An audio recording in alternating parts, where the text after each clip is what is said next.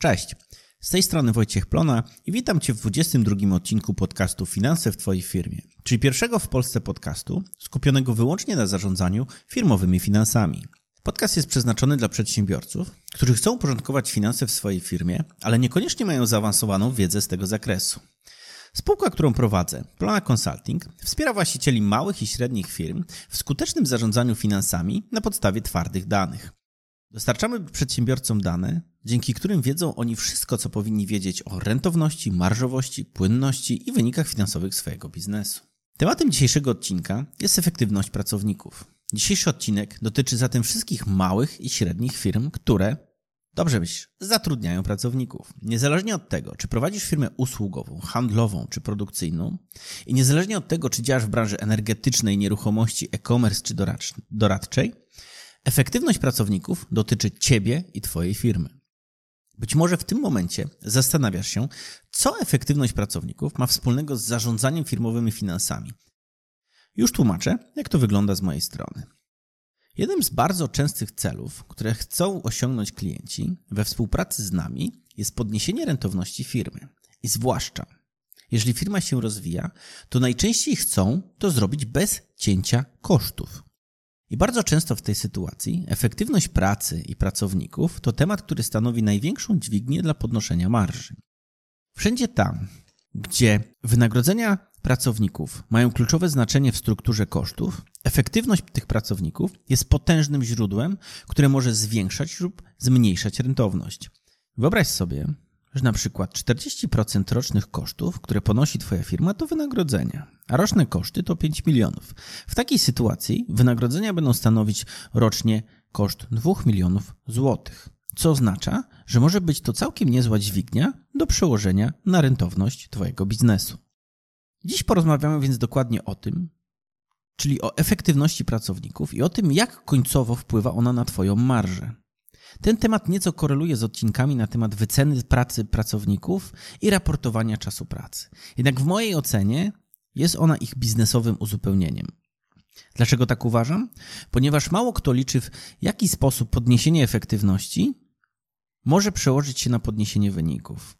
To jest trochę trudna sprawa, zwłaszcza jak nie jesteśmy mistrzami Excela oraz rzadko liczymy stawki pracowników, o czym mówiłem w siódmym odcinku podcastu. Weźmy sobie bohatera dzisiejszego odcinka, pana Janka.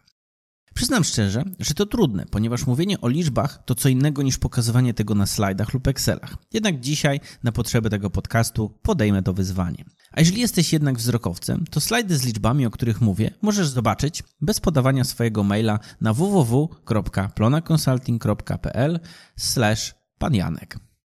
Przechodząc do rzeczy, załóżmy, że pan Janek jest konsultantem, prawnikiem, programistą, marketingowcem lub innym zawodem, który świadczy, czy to w usługach, czy na produkcji. Pan Janek pracuje 160 godzin miesięcznie i zarabia 8 tysięcy złotych netto na B2B. Tu tak naprawdę można zamienić B2B z umową na pracę, tylko trzeba pamiętać, aby w umowie o pracę podać kwotę już z ZUS-em pracodawcy. Z prostych wyliczeń wychodzi nam, że stawka godzinowa mm, pana Janka wynosi 50 zł za godzinę. Czyli 8 tysięcy podzieliliśmy sobie na 160 godzin. Pan Janek raportuje czas pracy i wie, że czas poświęcony klientom to około 80 godzin miesięcznie, co przekłada się na 50% całego czasu.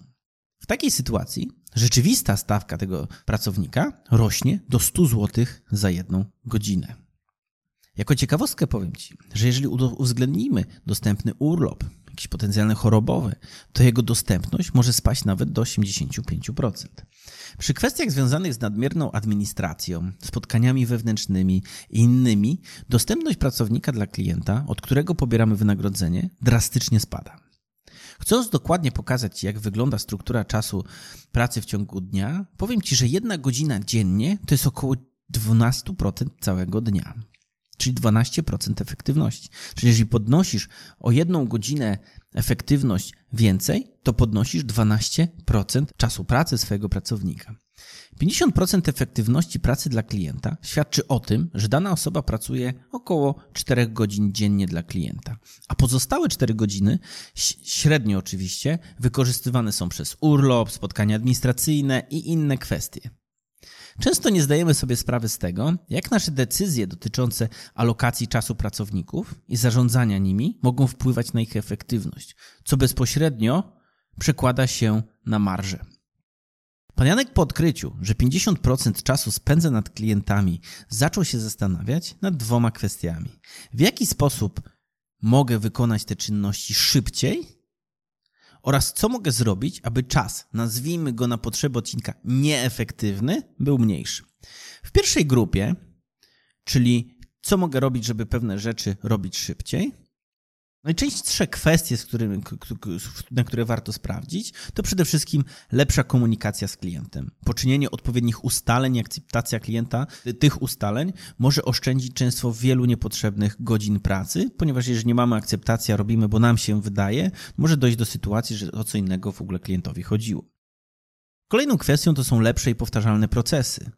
Ja rozumiem to jako sekwencja pewnych powtarzalnych działań, realizowanych na przykład w oparciu o checklistę lub przygotowaniem sobie pewnych szablonów powtarzalnych prac. Że często, często pewne kwestie nie zajmują nam godziny, tylko na przykład 15 minut.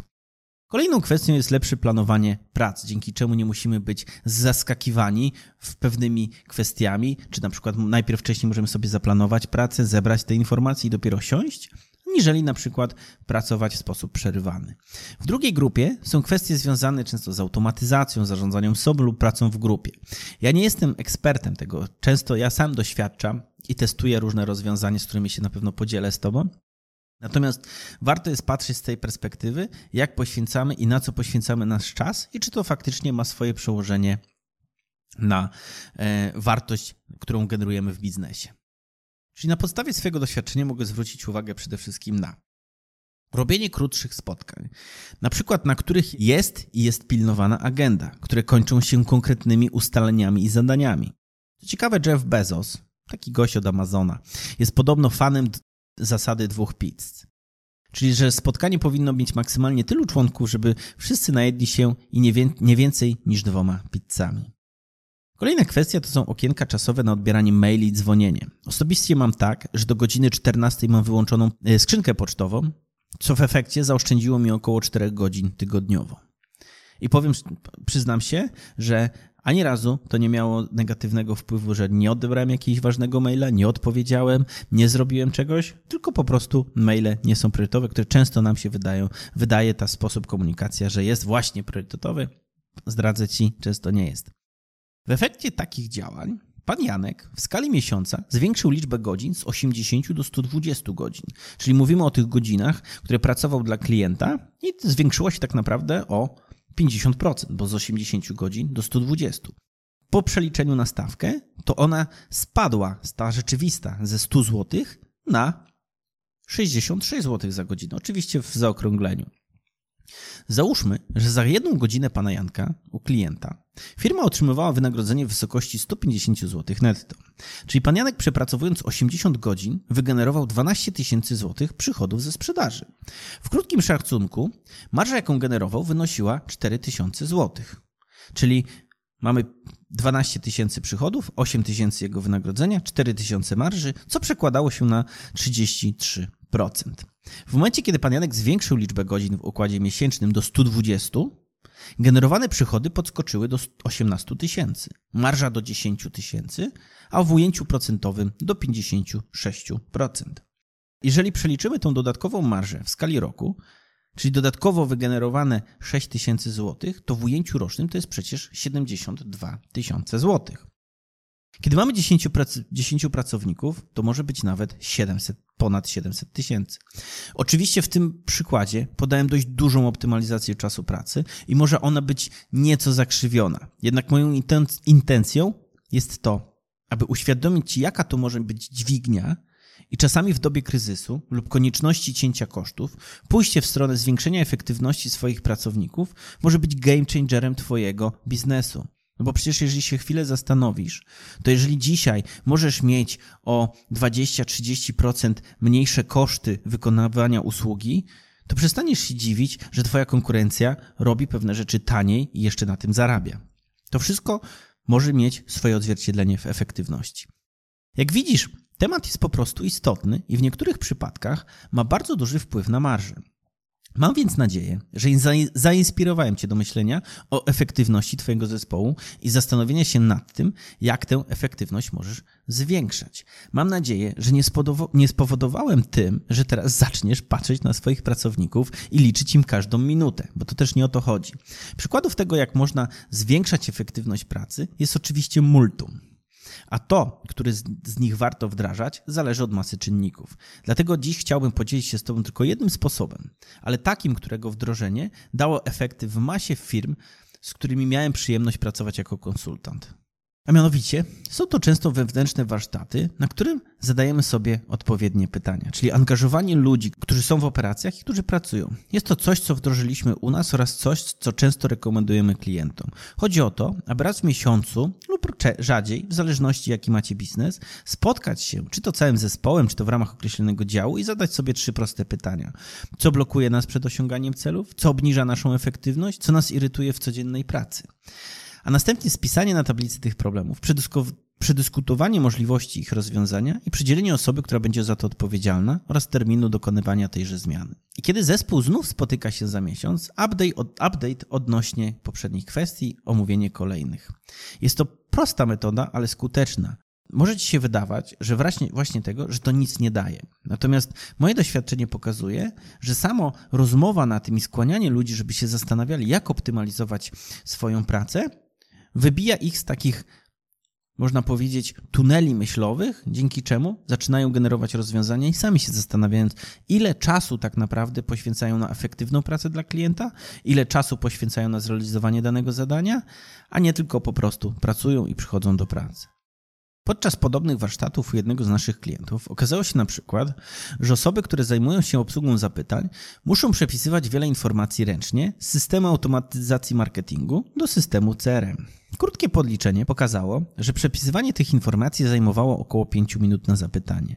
A że była to firma handlowa, która miała wtedy dużo zapytań, to okazało się, że jeden handlowiec, obsługując w dni robocze po 6 zapytań dziennie, przeznaczał około 10 godzin w skali miesiąca na przepisywanie danych. Wprowadzenie tutaj bardzo prostej automatyzacji, która sama przypisywała przepisywała te dane, sprawiło, że każdy z handlowców odzyskał przynajmniej kilka godzin pracy w ciągu miesiąca, co przełożyło się na zwiększenie sprzedaży o około 17%.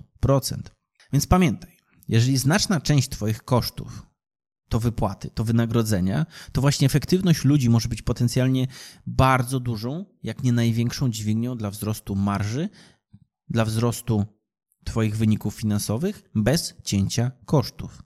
I to by było na tyle. Bardzo dziękuję, że wysłuchałeś dzisiejszego odcinka do samego końca.